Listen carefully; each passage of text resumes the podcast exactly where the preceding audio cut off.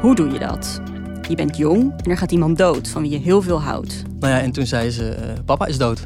In een doodnormale podcast gaan wij, Bente, En Sabine, op onderzoek uit. We interviewen jonge mensen die net als wij een dierbare verloren. Ik heb ook echt een keer gezegd: ik hoop dat je doodgaat aan die kanker, want ik haat je. Weet je. Dan was eigenlijk het enige dat we erover hadden. En we vragen experts het hemd van het lijf. In Nederland hebben we best wel geleerd om in een gesprek altijd een antwoord te geven. En met rouw ja, ontstaat er dan een soort kortsluiting. Want er is niks wat ik tegen jou zou kunnen zeggen of wat jij tegen mij zou kunnen zeggen wat mijn pijn minder groot maakt.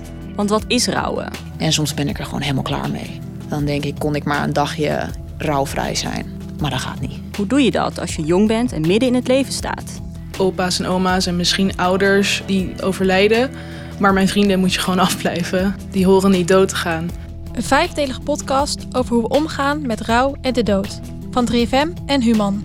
Vanaf 24 mei in de 3FM-app en in je favoriete podcast-app.